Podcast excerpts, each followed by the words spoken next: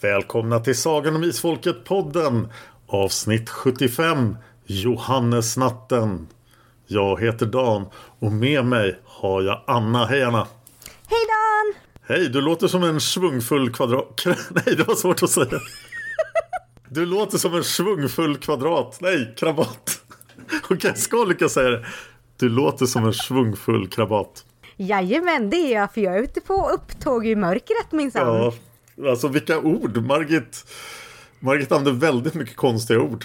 Jag har liksom för mig att Margit satt hemma och bara tog fram liksom antingen ordboken eller grävde riktigt djupt i sitt minne och bara vilka obskyra ord ska jag använda i den här boken för att verkligen poängtera hur otroligt futuristiskt ljusets rike är så går hon liksom hela vägen tillbaka till någon slags gammeluttryck och jag är fascinerad lite skrämd och bara över att ja, det, det, ska vara du Margit som kommer undan med detta. Om det hade varit 2015 när boken skrevs så skulle jag trott att Margit hade en intensiv wordfeud-period. Dan, boken skrevs 1998. Ja, jag vet, så att det kanske var alfabetperiod. Jag vill rikta ett speciellt tack det här avsnittet till Linnea som läste halva boken högt för mig. Oj, du har det lyx du. Ja, det var väldigt spännande. Hon bara, vad betyder luguber? ja, och det råkade jag veta. Vad betyder luguber? Lite läskig, ond och mörk sådär. Nu har jag inte slagit upp det, men jag har sett det i andra rollspelssammanhang. Ha, intressant. Jag sitter i en helt ny setup här och spelar in hemifrån för första gången på väldigt länge. Kors i taket. Så jag hoppas allting fungerar. Allt är nytt. Yeti Nanon är ny. Allt är nytt, men det kommer säkert gå bra.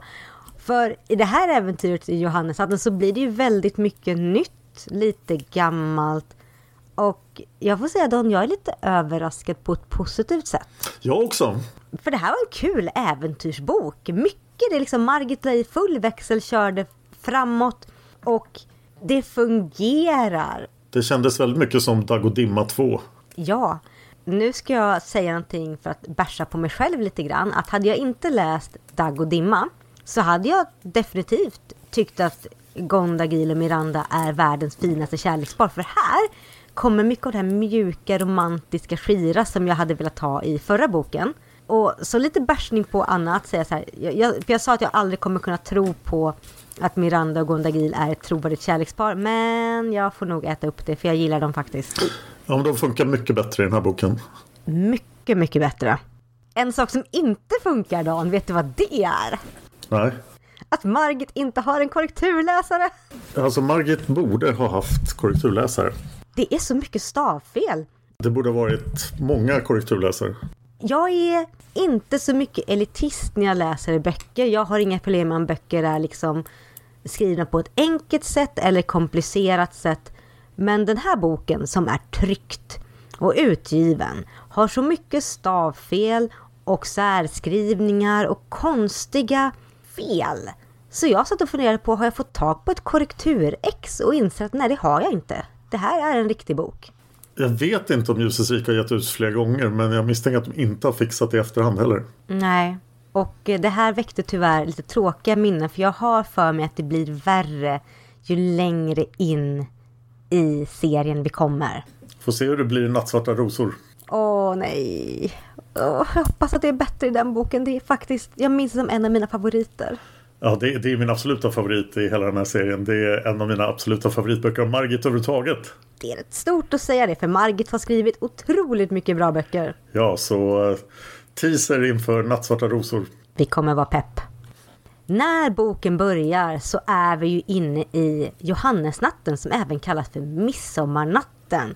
Och Margit slår fast stämningen att det här är natten för mystik och magi och spänningar och mycket naturkrafter ute. Så det läggs en bra grund. Kände du till det här konceptet, Johannesnatten, innan?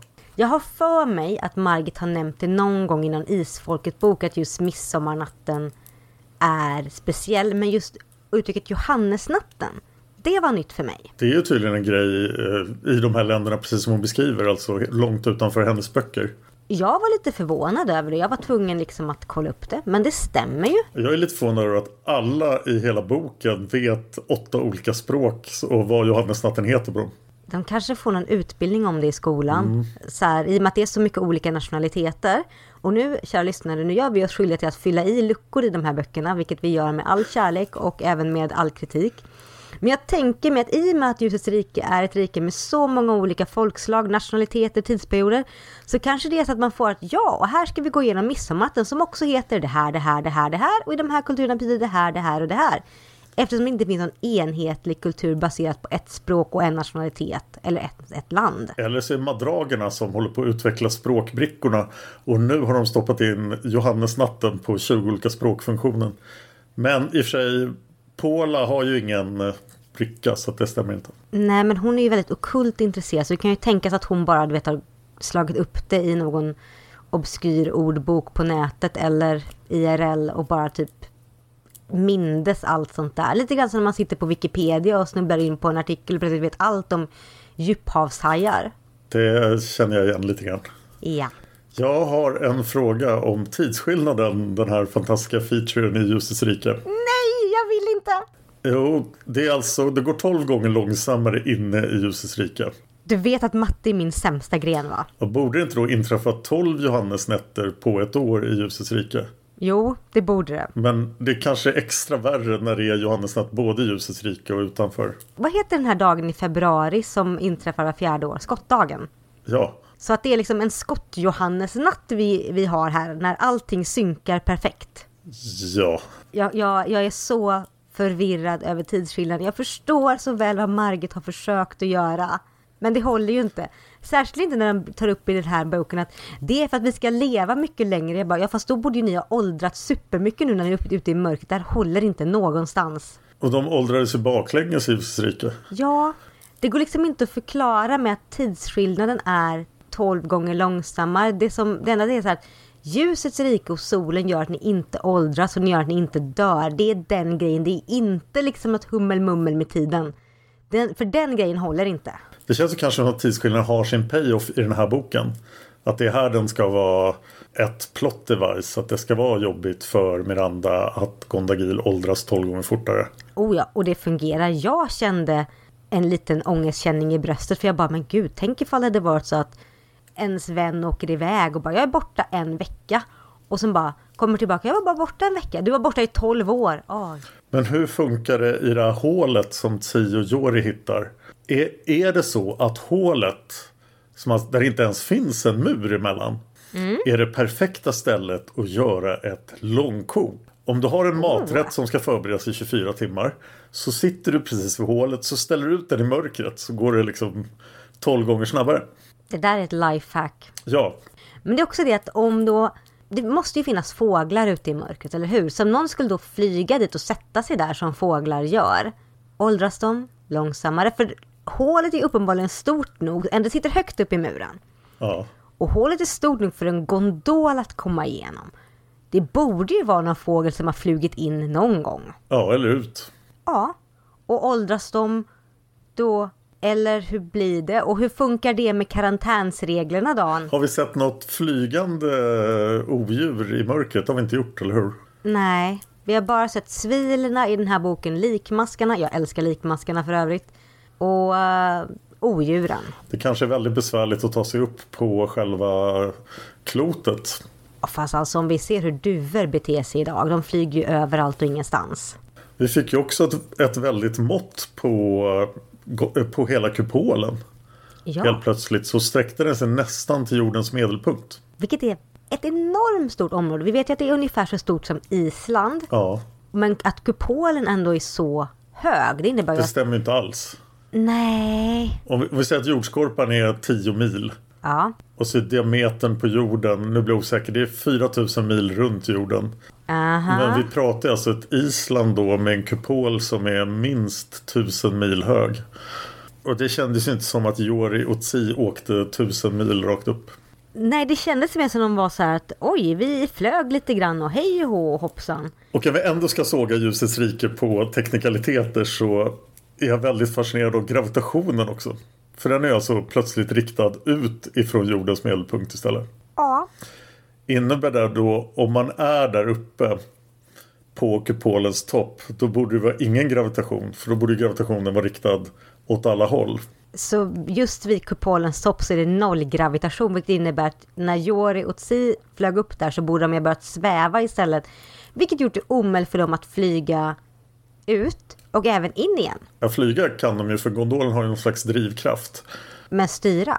Ja, det tror jag också de borde kunna. Men tänk på vad bra det skulle vara för långkoket. För man bara lägger ut det där så är det ingen gravitation. Så bara ligger det där i luften. Fast då flyger ju hela långkoket iväg och ser så här, men jag la ju morötter här. Ja, men det är ingen gravitation, ingen vind. Så det stannar bara kvar. Det blir som en Lagrange-punkt i rymden. Men hur ska du koka saker om det inte finns någon gravitation? Ja, just det. Då genereras ju krafter så åker den. Du har tänkt på det här lite för mycket, Dan. Ja, alldeles för mycket. Långkok eller inte. Med Johannesnatten och Margit har lagt scenen som man brukar säga så förs vi direkt till Miranda som ligger på sjukhuset med blodförlust. Ingenting är vackert, allt är bra och här kommer vi in i den här ångesten jag nämnde liksom att hon vet att hon aldrig kommer träffa Gondagil igen och Margit cementerar tidsskillnaden och det blir jobbigt Dan. Det blir jättejobbigt för Miranda ligger där och det är superjobbigt. Hon hör och hon känner allting och hon hör de svarta bergen som skriker. Har vi hört de svarta bergen innan? Ja, det har vi ju. Men det är konstigt att det låter så tydligt där inne i ljusets rike. Ja, det känns som att de svarta bergen plötsligt fick någon slags speaker, eh, speakerhögtalare rakt in i ljusets rike. Så det blev som man vaknade i matten och bara Rar! Och alla bara okej. Okay. Jaha, de skruvade upp volymen. För jag har inte upplevt det så innan när vi hört om de svarta bergen som nu också heter de dödas berg. Vi vet ju att det finns ett hål högst upp i kupolen så att det hörs väl genom det. Det känns lite jobbigt, det känns lite sorgligt. Och också när, när Miranda vaknar upp och bara du har bara sovit ett dygn och hon bara det är tolv dagar för Gondagil.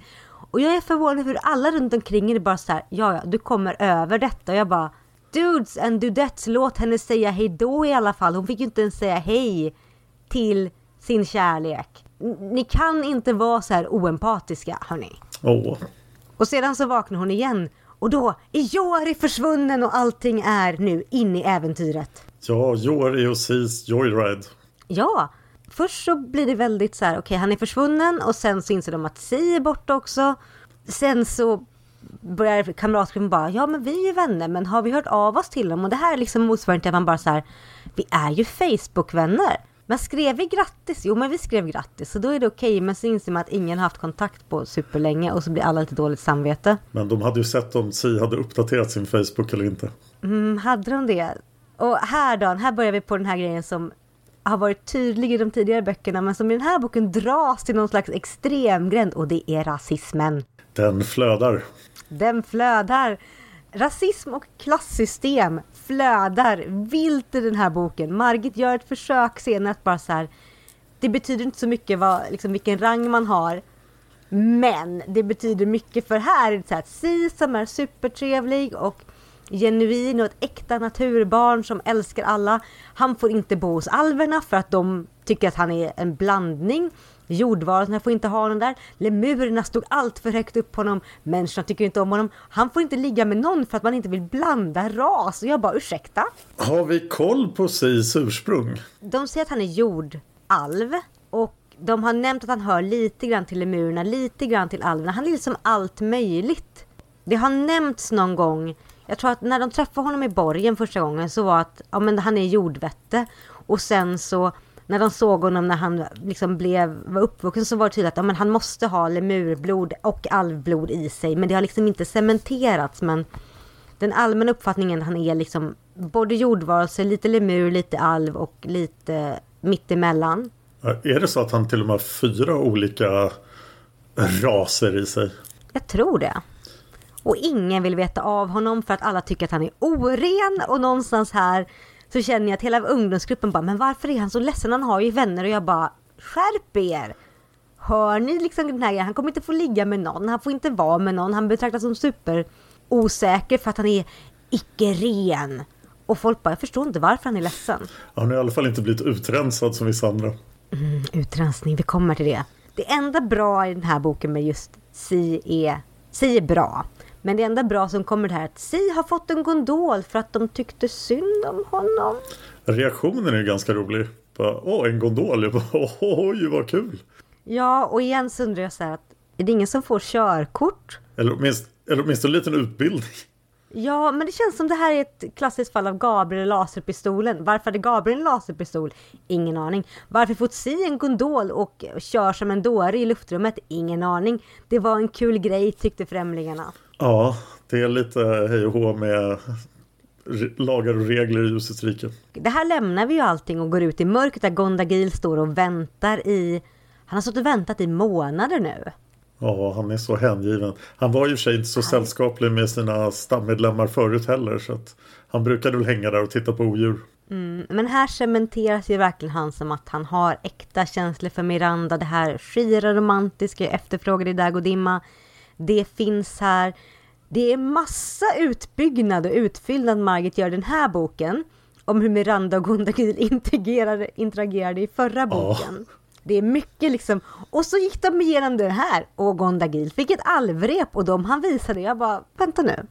Det här, det här var inte med i förra boken. Margit, nu, nu, nu bygger det lite grann här. Ja, Dag och Dimma blev retconad lite i det här. Ja, och jag är helt okej okay med detta. För jag hade inte köpt eh, kärlekshistorien överhuvudtaget om inte Margit i den här boken börjat bygga på lite mer kärlek och förälskelse. Och det är fint, för det gör liksom att när Gondagildo ser eller hör om den här, hör gondolen med Jori och Tsi och Chick som raglar ut i mörk så tror han ju att det kan, Miranda kan vara där. Och vilket förklarar varför han så desperat söker sig dit. Med, den, med de här bara första stycket lyckas Margit få mig att ja, hon får mig att tro att Gondagils kärlek är precis så ren och äkta som hon ville få mig att tro i Dagd och Dimma. Ja, det finns ett stort plotthål där tyckte jag när eh, han kan kommunicera med Chick via språkveckorna. Och han kan se Chicks minnesbilder. Ja. Men då skulle ju Chick ha kommit ihåg Miranda om hon hade varit med. Jag tänker att Gondagil inte frågade om Miranda. Han kanske är så uh, kär och galen att han bara inte tänkte på det. Eller så insåg Chick att om jag berättar att Miranda inte var med så kommer han inte rädda min vän. Aha! Jag tror inte Chick är så smart. Tror du inte på Chick? Jag gillar Chick. Han är min favoritkaraktär i den här boken. Men eh, jag tror inte han är särskilt jätteklok. Nej, det är inte Gondagil heller i den här egentligen. Men han, tar ju, han, han förbereder sig väldigt väl. Men vi kan ju också vara eniga om att han hade ju aldrig klarat detta om inte Miranda hade utrustat honom med kikare, alvrep, tusen andra grejer. Det är för, därför är det bra att dejta en science fiction flickvän. Om man är en viking om man är en viking som också lär sig att hantera allting jättesnabbt. Ja, speciellt gondoler. Hur gick det till? Där det stycket kom kände jag bara jaha, och det tog mig typ ett halvår att lära mig bemästra allting i min bil och jag hittar fortfarande inte vissa knappar och Gondagil bara ja men så här kör man och det blir säkert bra. För att det är komplicerat att köra en flygande gondol. Ja, när man aldrig sett någonting liknande. Jag menar, hur startar man? Har man ingen startnyckel? Är det bara att trycka på en knapp och alla kan köra? Det är det uppenbarligen. Nu åker vi. Den här autopiloten kanske är jättebra i sig. Det kan ju vara därför de låter Tsi få en också. Möjligtvis finns det något slags säkerhetssystem här som gör att det inte sker gondolkollisioner. Åtminstone inne i ljusets rike. Det hoppas jag verkligen. Det kanske är att alla har någon slags, ja men som en luftkudde runt omkring som bara boing, boing. Ja, någonting sånt måste finnas om de ska ha den här slappa attityden till att ge bort gondoler till folk. Eh, ja. Det hoppas ju väldigt mycket i den här boken mellan olika person of view. För vi hoppar ju från mörkret in till att Margit här igen går tillbaka till Johannesnatten. Och ger oss en glimt i alla naturväsen och alvernas förberedelse inför detta. Och hon lägger också att det är någonting som inte stämmer i ljusets rike. Det är something rotten in the state of ljusets rike. förutom fascismen, den uppenbarliga främlingsfientligheten från främlingarna mot alla andra, rasismen, klassfientligheten och allting. Men det är någonting annat som inte riktigt stämmer i ljusets rike som vi måste vara fokuserade på nu här. Observera också hur ljusets rike är fullständigt segregerat. Ja, och hur ingen reagerar vid detta. Nej. Dalva, du får bo där för du är mest lik dem. Mm. Och det cementeras ju väldigt mycket här i nästa parti där Marco och Ram och Talonin sitter och är så här diskuterar att åh, den här unga gruppen, de är ju liten av allt här. Om människor menar jag. För det finns ju de som stod vida högre än de vanliga människobarnen. Främlingarna, madragerna, lemurerna och andra av olika slag. Jag bara ursäkta. Klassystem är så 1800-tal. Kan vi sluta med detta? Att det är ännu värre, det är lite kastsystem. Ja, det, oj, det är det jättemycket. Det är lite så här 2500 år gammalt. Vilket inte riktigt passar in i ett samhälle som ser sig själv som superfuturistiskt och också vill gasa alla människor på jorden till eh, godhet. Ja, Det här med etik och moral. Har man ett klasskastsystem så är det kanske inte det bästa, så kanske inte man är de bästa att faktiskt försöka att omvända resten. Och de lägsta kasten blir utrensade. En sak jag gillar med den här boken, eh, för när det väl blir klart att Jori och Si är försvunna, så får vi faktiskt se lite mer interaktion från några från häxmästarfamiljen. Vi får se att Taran, som har försvunnit helt sedan hon kom in hit, blir jätteupprörd och hon vill ut och hon stjäl en gondol och sätts i husarrest. Och jag gillar detta. För det här är en skön motvikt mot den otroligt stela byråkratin vi ser. Han bara, ja absolut. Vi måste ut och hitta Jori och eh, Tsunga. Det tar nog en vecka och jag bara, ursäkta ni vet ju tidsskillnaderna. Vi jobbar så fort vi kan. Gör ni verkligen det? Vi måste tillsätta en utredning. Mm. Och vi måste ha en utredning som utreder utredningen för att det ska bli säkert att det här är tryggt och bra. Så en vecka. Vilket alltså är, vi ska säga Dan, 7 gånger 12, vad är det? till fyra. 84 dagar, de är ju shish kebab. De har hunnit bli uppätna av odjuren 40 gånger om och deras ben förvandlade till kammar. Ja, Men det här är alltså effektiviteten i ljusets rike och då är det skönt att se lite mänsklighet i Taran som faktiskt bara säger jag stjäl en gondol. Fuck you ljusets rike. ja. Och ute i mörkrets rike så håller ju Gondagil och Chick på att verkligen så här spåra upp vad är det som händer liksom. Vad, hur hittar vi hur hittar vi Jori och Si? Och vi får reda på att Jori och Si då har, ja, vad har de gjort? De har flugit in i ljuset som Ikarus. Ja, och sen har de fastnat i dammsugarluftströmmen. Som tydligen är någon slags fälla. Som någon har satt upp från eh, Svarta fjällen. Mm, Svarta bergen, Dödas berg, vi vet inte vad de heter längre. Ja, Blåkullarna. För att suga in folk så att de ska liksom... Vi vet inte riktigt vad som händer där inne, men det är ju inte bra. Och, men jag vill ändå ge Jori och Si väldigt mycket poäng för att de flyger ju ut av anledningen att de vill hämta in Gondagil. För de, till skillnad mot alla andra, har ju någonting som kallas för hjärta och medmänskligt och tycker att det inte är helt rätt att Gondagil fått komma in, inte fått komma in i ljusets rike. Och det är ju en väldig skillnad från att tänka på saken i en vecka också. För de tänker på saken i tre sekunder. Och sen bara, vi åker, vi kör. Varför gör det? Vad kan gå fel? Och jag gillar det, för det är den här igen grejen som vi såg i bok ett när han bara vi, vi lasrar upp muren, vad kan gå fel? Och i den här stela världen av byråkrati så är jag bara så här, ja, vi behöver fler människor som bryter mot reglerna. För att jag är förvånad att inte typ hela ljusets rike har dött av ineffektivitet med den här hårda byråkratin. Men sen går det ju som det går, så sitter han där på fjällväggen ute i mörkret och har det inte så jättebra. Nej, det är ju, Margit är ju bra på att skriva misär. Och jag tycker ju om kontrasten som gör här mellan Si som är nog, precis som jag hade varit ute i mörkret, totalt livrädd och varit så här, vi kommer dö, ingenting är bra, allting. Och Jor som är så här, okej vi måste försöka hålla huvudet kallt och vänta och se vad vi gör. Och jag bara, men vad, vad ska vi vänta på egentligen Jori? Men det, det är snyggt det här med förnuftets röst i Jori och känslans röst i Si. Det är ju extremt jobbigt just att en räddningsexpedition blir ju 12 gånger fördröjd. är jag. Här funkar ju tidsskillnaden då till pojkarnas fördel som de sover i 36 timmar. Ja, Och kan jag erkänna också att eh, när jag läste att de hade sovit i... Nej, de sov längre. De sov så himla länge. ja och varför fungerar vissa saker fortfarande som att de är kvar i ljusets rike? Jag vet inte riktigt. Men också att de hade sömntabletterna, det kan ju vara det. Ja, Mm, 84 timmar. Och när jag läste detta, jag var så här, gud. Jag vill också sova i 84 timmar. Jag är avundsjuk. här fick vi också reda på att främlingarna alltså delat ut narkotika till folk för att de ska kunna leva i deras konstiga värld. Främlingarna blir läskigare och läskigare. Och också just för det här som Georg säger att ja, unga har en tendens att nattsudda och det vill de undvika. Jag bara, men låt ungdomarna vara ute och supa round the clock och spela datorspel hela natten. Det, det hör till. Nej, vi måste droga dem. Så de följer den enda rätta tidsskillnaden här. Jag tror att det, om det fanns antivaxers i ljusets rike så skulle de ha rätt. Ta ingenting som främlingarna ger dig. Jag hade blivit antivaxxer i ljusets rike faktiskt. Så de sover i 84 timmar. Och då tänker man att då hinner inte hända så mycket. Men nu kommer likmaskarna. Ja, eftersom de har slöat där i 84 timmar. Så har likmaskarna hunnit klättra upp på väggen. Och jag får säga att jag älskar likmaskarna. De påminner mig så om alla monster i gamla brädspel. Från Drakborgen och framåt. De här hemska grejerna. Och jag, jag känner att det är lite läskigt. Jag tycker de är obehagliga. För jag är så här, okej, okay, ska de ta med den till Svarta bergen? Och sen inser jag att nej, de tänker nog äta upp dem.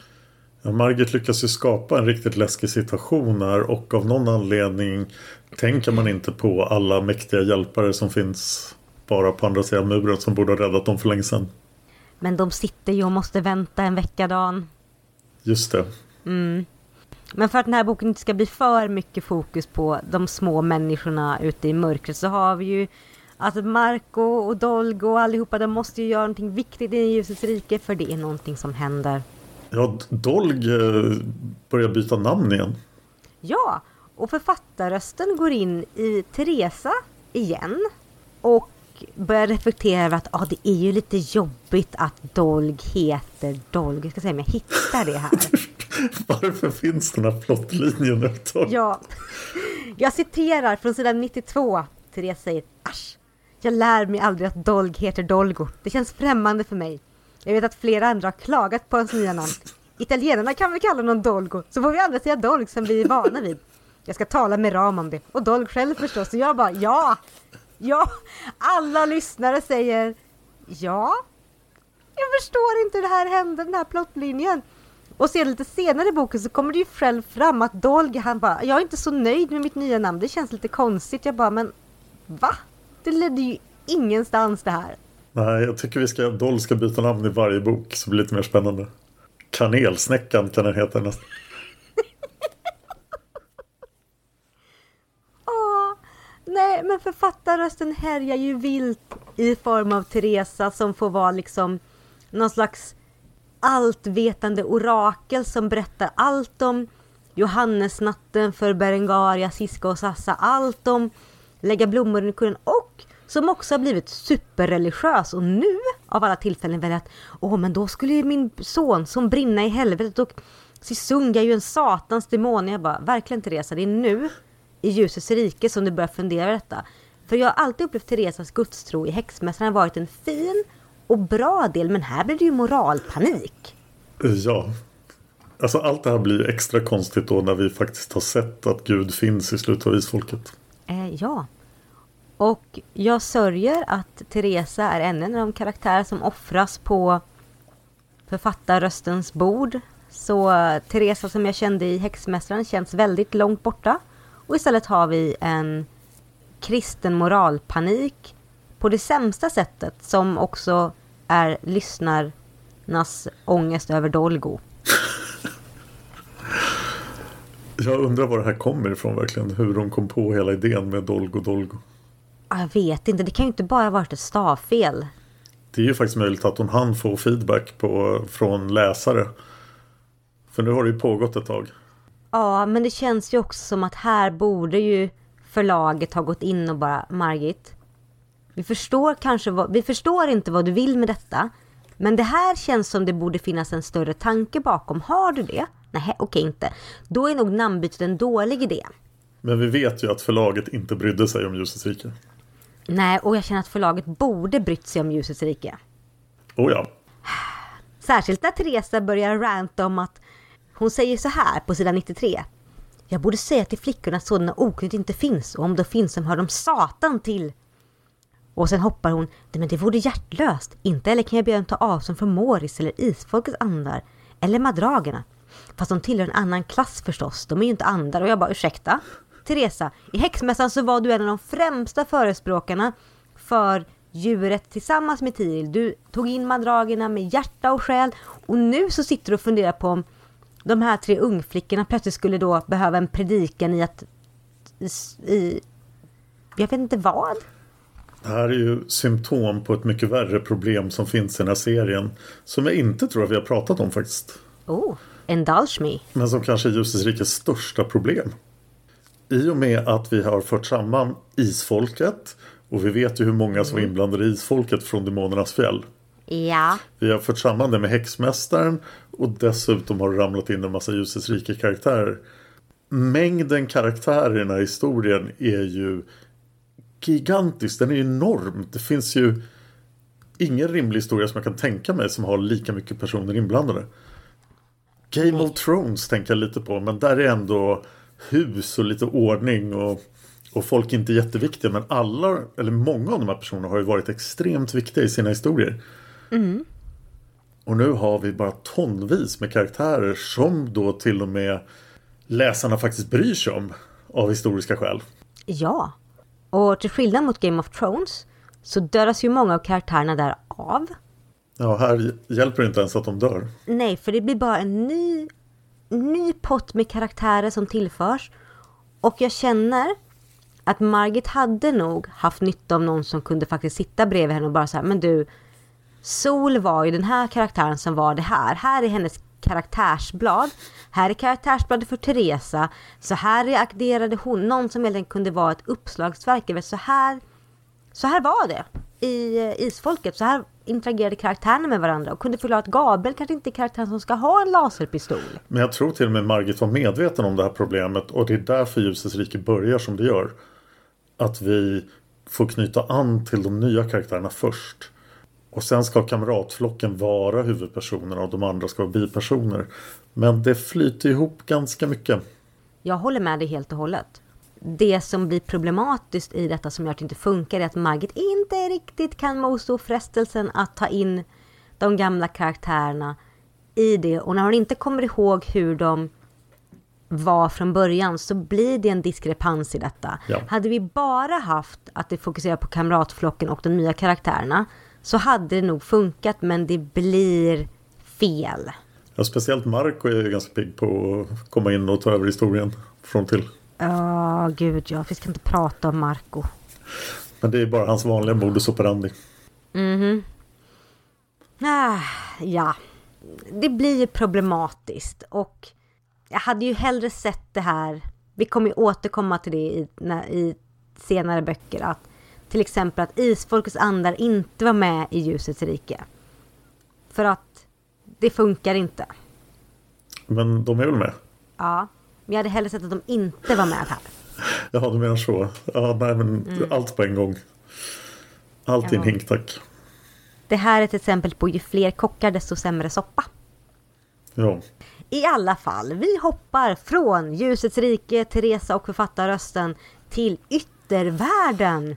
Och månen dök upp. Jag bara, va? Vad gör månen här? Jag bara, det är ett rymdskepp.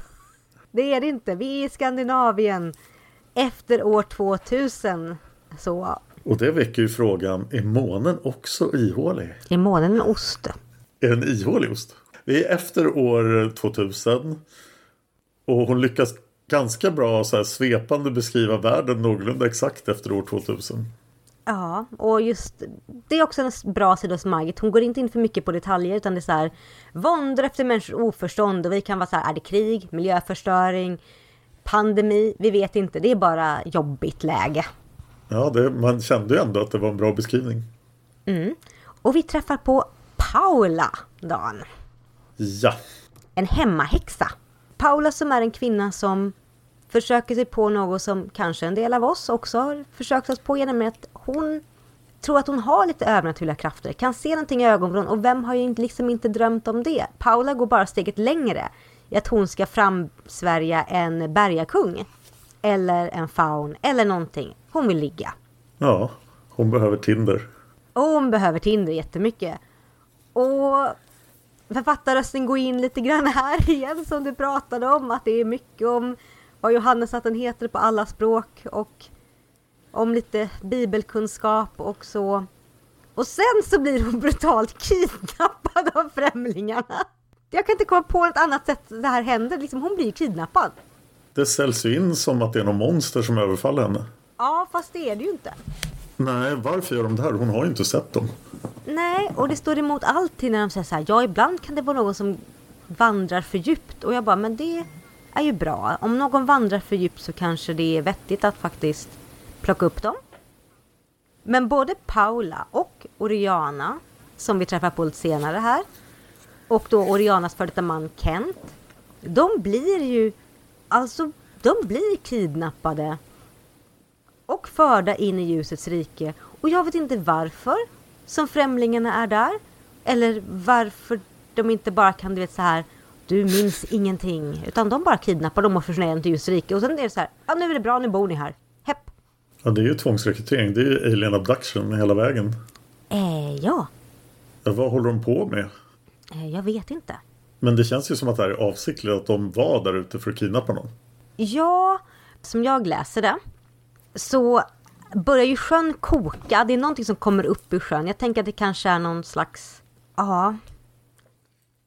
Att, att det kanske inte är medvetet. Utan att de bara säger oj nej vi kom upp ur sjön och nu såg folk och så tar vi med oss dem, hej. Vänta, nu fattar jag precis vad det var som hände. Okej? De har en karta över platser där man kan komma upp på jorden. Mm. Men den här kartan är jättegammal för att tiden går 12 gånger snabbare utanför. Oh, Så nu har de en karta från 1600-talet. Oh. Och på tiden då så har den här sjön fyllts igen av någon anledning. Så de trodde inte det var en sjö där. Så de körde upp rakt i en sjö. Och då blev det en massa bubblor och kaos. Och då tänkte de det här, är, det här har de säkert sett. Nu måste vi kidnappa dem. Det, jag köper den förklaringen rakt av. Ja, bra. Då vet vi vad som hände. Mm, och det här är ju liksom någonting som vi lämnas med och går tillbaka till Gondagil som nu är på räddningsexpedition i mörkret. Han har minst att ty- mannen från den tyska byn som höll på att sugas in i dammsugaren tog sig tillbaka och han är bra förberedd så när det började blåsa nu så lyckas han klamra sig fast. Chick och han är bara så här, ja, vi vet att någonting händer. Gondagil har kikaren och han ser att pojkarna är i fara. Och nu då, det blir ingen laserpistol. Men det blir ju flygande. Ja, den här fantastiska snabba inlärningen av gondolen. Ja, som går väldigt snabbt. Men jag fattar inte riktigt varför flyger han inte. Han verkar ju inte veta exakt hur han gör. För han flyger inte gondolen till dem utan ovanför dem. Eller under dem. Det är någonstans på berget han hamnade. Det är lite grann på toppen ovanför de tolkar jag det. Det blir väldigt dramatiskt då. Väldigt dramatiskt och min gissning är att han kan ju inte flyga in i dammsugaren där de är för då hade han sugits in. Så att han flyger liksom Smart. på utsidan av den. Och eftersom han inte då kan landa direkt ovanför dem utan han landar på första stället där han kan så måste han ju ta, så måste han ju få dem att gå ner en bit på stigen för att han ska kunna hala upp dem. Och det är ju helt rimligt. Jag tyckte det var fantastiskt när Si fattar att det är Chick. Och Chick är så glad. Ja, och Si bara så här. Och Chick är jätteglad och Si bara nej, du får inte vara här. Och Chick bara, men idioter, jag ska ju rädda er. Åh, men det är fint. Och också att Si är så väldigt överlycklig över gondolen och allting. Och jag känner verkligen att åh. Si är en så fin individ. Jag vill se mer av honom i ljusets rike. Och sen att alla vill köra gondolen av någon anledning. Ja, Till och med Chick. ja Chick bara mm, mm. Och sen så lyckas de ju faktiskt komma in och hem i ljusets rike. Ja. Och innan dess så blir Gondagil verkligen medveten om tidsskillnaden. Vilket är lite av en chock. Och han inser att han måste in, han kan inte stanna här. Men älskar att Jori och säger bara, äh, vi bara tar in dig. Det får bara lösa sig liksom. Liksom vad ska de göra? Slänga ut dig igen? Ja, De kunde ha utrensat honom. De kunde utreda honom. Men det gör de inte. De lyckas komma in. Och eh, Gondagil blir inget monster. Vilket jag älskar att pojkarna tänker på precis när de flyger in. Att han kan ju bli ett monster nu. Oj då. Men han var god. Han var god. Jättegod. Det är extra bra att den här eh, luckan i säkerheten ligger på ett ställe där man blir jätteelak om man är elak. Eh, ja, det, alltså, tänk ifall det kom in en elak fågel. Då blir det en jätteelak fågel. Demonfågeln. Rar. Demonduvan. Åh nej. Och vi får... eh, I allt detta så går vi tillbaka till naturväsena och vi träffar på Fivrelde, en pytteliten elva. Ja, som väl har varit med förut utan sitt namn. utan namn men som var den elva som hjälpte Dolg i Gain när, Gain, när Dolg skulle få Farangilen. Och hon är en sån liten fangirl. Hon är sån fangirl. Och jag vet inte vad jag tycker om henne. Men eh, jag tror att jag, hon har en tendens att gå på mina nerver. Men det funkar ju väldigt bra i den här boken för annars så blir det ju bara Dolg, Marco och Ram som är lite pompösa och går runt och ska försöka hitta... Vad ska de hitta? De ska hitta ryktet. Ja, ett random Margit-monster. Random Margit-monster. Som Fivrelde har sett och kan också vara så här, det är någonting som sprider rykten om att alla ska ut i de svarta bergen och alla är så här, åh nej, det här är ju jättedåligt. Superkast. Och de lyckas ju så här att okej, okay, det är någon slags slemklump som är från grekisk romersk mytologi och nu ska alla gå skallgång. Och det här lyckas de organisera på typ en timme dagen. Ja, det här gick ju otroligt bra. Mm. Inte att rädda Jori eller så, för de bara, åh Jori de är tillbaka, vad kul, men då släpper vi det. Och man bara så här, ni hade inte organiserat någonting och Ram bara, nej gud nej, det har vi säkert inte gjort.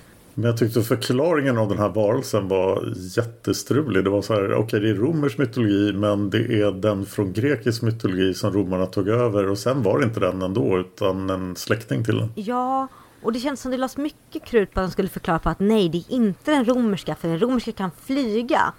Och det känns som att Margit blir medveten kanske om att om den hade kunnat flyga den tagits in i Ljusrike för länge sedan. Så det måste vara den grekiska. Så att det känns som att hon vill nog förklara det mer för sig själv. Ah. Än för en lyssnare som hade, eller då lyssnare eller läsare som hade nöjt sig med att ja, det är något grekiskt mytologiskt monster som kryper på marken och viskar saker i dina öron. Lite grann som maran i vår nordiska folktro. Ja, jag, jag, tycker den här, alltså man, man, undrade ju när jag läste det första gången, så tänkte jag, varför skulle någon vilja gå ut i mörkret? Mm. Men nu efter pandemi och krig och så vidare så har vi sett att folk tror på vad som helst. Så att ja. nu bara, ja mörkret det låter bra. Vem sa det? Ja, jag flyttar ut i mörkret, det verkar jättebra. Och särskilt eftersom det är de missanpassade stad där folk redan innan var missnöjda med saker. Och, sen har och vi ändå vill därifrån. Enorma luckan i planen som ryktet har. Att ingen kan komma ut. Mm. Eftersom främlingarna har ju stängt in alla i, sitt, eh, i sin konstiga värld slash koncentrationsläge. Är det här egentligen det vi ser hade kanske varit början på en revolution där folk kommer till muren och sen börjar göra uppror för att komma ut? Och det kvävdes i sin linda här. Den här varelsen kanske är den goda i historien som försöker rädda alla från främlingarnas terror. Miranda då som i början av boken fortfarande beskrivs som reformivraren som nu bara springer runt och längtar efter Gondagil. Ja. Hela revolutionslusten där är ju död. Gondagil får lite mer kött på benen nu när han så här nu vill jag att liksom, vi ska ta ut ljuset till hans folk. Men igen, det är ingen som attackerar eller ifrågasätter att ljusets rike är sjukt problematiskt. Men kan det vara så att kraften bakom de svarta bergen är egentligen god men har ett svårt röstproblem? Så att det kommer de här tjuten när de mm. försöker kommunicera och de låter jätteonda. Men i själva verket försöker de rädda alla från främlingarnas terrorvälde. Fast hur förklarar vi likmaskarna Dan? Ja, men likmaskarna kanske var goda de också. Hur förklarar vi svilerna i förra boken? De har någon kraft där i Svarta som de inte har lärt sig kontrollera riktigt. Ah, de vill gott men det blir dåligt. Ja, det blir slumpmässiga mutationer i deras närhet på grund av närheten till källorna.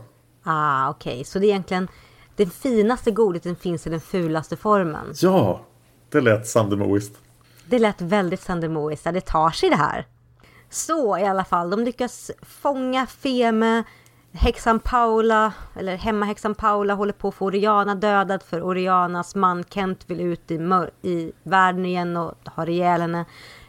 Den delen av boken grep inte mig så supermycket för nu är vi liksom vi är klara med historien. Gondagil och Jori och Tsisunga är inne i ljusets rike. Vi ska bara ta hand om ryktet. Allting är bra. Vi får inte så mycket mer förutom att Miranda och Gondagil eh, ligger. Ja. Och det går väldigt snabbt. Ja. Till skillnad från sexscenerna i Isfolket så är ju det här någonting som är över på typ tre rader.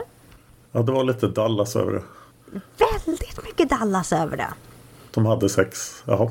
Ja, det har byggts upp bra men det var lite konstig, det var lite antiklimax. Och sen så får vi någon sån här slags och nu sammanfattar vi allting. Att Gondagil och Miranda flyttar ihop. Sisunga får en ny gondol av väktarna. Och kör busräder. Joris Jori pratar om hur bra det var i Svarta bergen. Nej, hur dåligt det var i Svarta bergen. De tre småflickorna drömmer om sin älskade. Teresa sitter och ber framför sin madonna-altare. Paolo och Rihanna akklimatiserar sig i ljusets rike. Fivrelde sover utanför Dolgs sovrum i en blomma. Stalka. True stalker. Och det slutar med boken att Indra blir inkallad till ett möte i Marcos palats. Att hon ska uppfostra den utvalde pojken som måste till de svarta bergen. Och det känner jag är lite spännande för Indra har varit en favorit länge. Och vi får inte se henne så mycket men varje stycke hon är med i görs, gör boken mycket bättre. Så ja, vi slutar där. Jag fick ju också en flashback från när jag läste det här första gången och kommer ihåg nu vart hon ska. Så att jag är jättepepp inför nästa bok. Jag är också så pepp. Så pepp! Men jag undrar lite över eh, att Teresa och Siska blev invalda i rådet. Det tyckte jag var en jättemärklig episod. Ja, och det var ju det som jag, jag, jag höll på att glömma bort det nu, men det är ju det stycket där Margit säger att det spelar ingen roll vilken rang man har i rådet. Men det hjälper ju att Teresa är en hertiginna och Siska är en prinsessa. Och jag bara så här, alltså jag kan ju komma på en rad folk som borde vara med i rådet av kavalkaden från tidigare böckerna. Till exempel Tiril. Mm. Hade kunnat vara med där. Eh, Tengel den gode hade kunnat vara med där. Shira hade kunnat vara med där. Eh, men det känns som att de bara går på levande personer. Men definitivt, Tiril borde vara med. Uriel, tidigare ängel om vi ska gå efter liksom high, eh, om vi ska gå efter status. Eh, Mori borde varit med. Nu låter det som att Siskas utbildning till gudinna då var jättebra. Mm. Vi får se. Vi får se. Ja, Jag tror inte att rådet har någon egentlig makt heller. Jag känner att rådet är liksom den här där man sitter och bara, vi har en bra idé i rådet, så bara okej, vi tänker på det här i några veckor. Okej, har vi en plan för att vi ska rädda Jori och eh, Tisunga? Ja, de är tillbaka redan. Okej. Men det känns som när tsaren tillsatte en duma för att eh, folk skulle tro att det var demokrati i Ryssland. Så kommer ett råd men egentligen är det bara främlingarna som bestämmer och Talonin som ser till att rådet fattar rätt beslut. Ja, det känns väldigt mycket så faktiskt. Ja, Usch. ska vi höra vad lyssnarna tycker om den här boken? Jajamän, vi, ni hann med riktigt många svar den här gången och första svaret kom från fröken Karin som säger den här boken gick fort. Med det sagt tycker jag dock inte att den var bra. Eller? Nej, det händer liksom ingenting. Problemet med Gondagil och grabbarna ute i mörkrets rike löste sig snabbt och allt för smidigt. Historien med kvinnorna från nutiden, redan glömt deras namn, känns bara som utfyllnad. Miranda och Gondagil är pinsamt dåliga på kommunikation till en början. Fivrelde borde verkligen lära sig gränser, låt oss bara komma vidare. Det är en typisk mellanbok på grund av att jag fick inte riktigt plats med allt om Miranda och Gondagil i en bok, så vi drog ut på det hela i en bok till. Tack, tack, det är bra nu, de fick varandra. Men de var tvungna att gifta sig först för det måste gå riktigt till innan de fick flytta in. Äh. Plus, sex måste göra ont första gången och mannen var så snäll. Så snäll som kunde tämja sina djuriska lustar och göra det lite mindre obehagligt för henne. Tack manliga släktet för er omtanke. Fröken Karin säger Favoritögonblick då? Minns jag ens något? När de heliga scenerna dödar Kent kanske? Eller när Chick hittar Gondagil i skogen och polar upp? Favoritkaraktär då? Fröken Karin säger Ram är som alltid bäst och vettig. Resten är meh. Men pepp inför nästa bok som jag tror att jag minns och gillade. I alla fall om jag minns rätt vem som kommer få det roliga uppdraget från Ram. Åh, jag minns så mycket från nästa bok. Nästa svar kommer från Vanja Lind. Hon tyckte om boken jag gillade den eftersom den innehåller mycket mörkret och de svarta bergen som verkar ha tusen olika namn lagom förvirrande. Vi fick en massa ny information och jag ser fram emot att få veta mer. Avstånden i mörkret förvirrar mig dock väldigt mycket. Jag tänker mig att varjagernas boningar ligger långt ifrån bergväggen som Siska kom igenom. Men Chick verkar klara den distansen i rekordfart. Det kändes även som att de svarta bergen väldigt långt i fjärran först. Men sedan tog det inte alls lång tid att ta sig tillbaka därifrån. Och det var inga som helst problem med gondolen heller. Men jag är i alla fall glad att Gondagil fick komma till ljusets rike och att han och Miranda fick varandra till slut. Jag reagerar på att främlingarna bestämmer var folk ska bo och alla bara finner sig i det. Mycket märkligt, men det verkar vara deras stil att detaljstyra folks liv. Tyckte det var väldigt konstigt att Siska och Teresa togs upp i rådet bara för att de har fina titlar. Även om det sedan sägs att det inte alls är för titlarnas skull, fast det är det ju. Om det bara rörde sig om deras goda egenskaper borde väl ärligt talat vem som helst ur isfolket eller häxmästarfamiljen ha valts in. Sedan finns det även ett samtal mellan Dolg och Fivrelde där han förklarar att Marco är värd ett vackrare hus än vad Dolg har eftersom han är prins. Jag borde vara van vid sånt här. Det har funnits där ända sedan slutet av Sagan om Isfolket. Men det gör mig så otroligt frustrerad. Och för att ranta lite till. Varför är det här underbara drömlandet så enormt patriarkalt och gammaldags? Det är bara män som bestämmer, som har unika magiska egenskaper och utför farliga uppdrag. På sidan 198 efter att männen har delat upp sig och tagit ansvar för alla viktiga områden. Citat.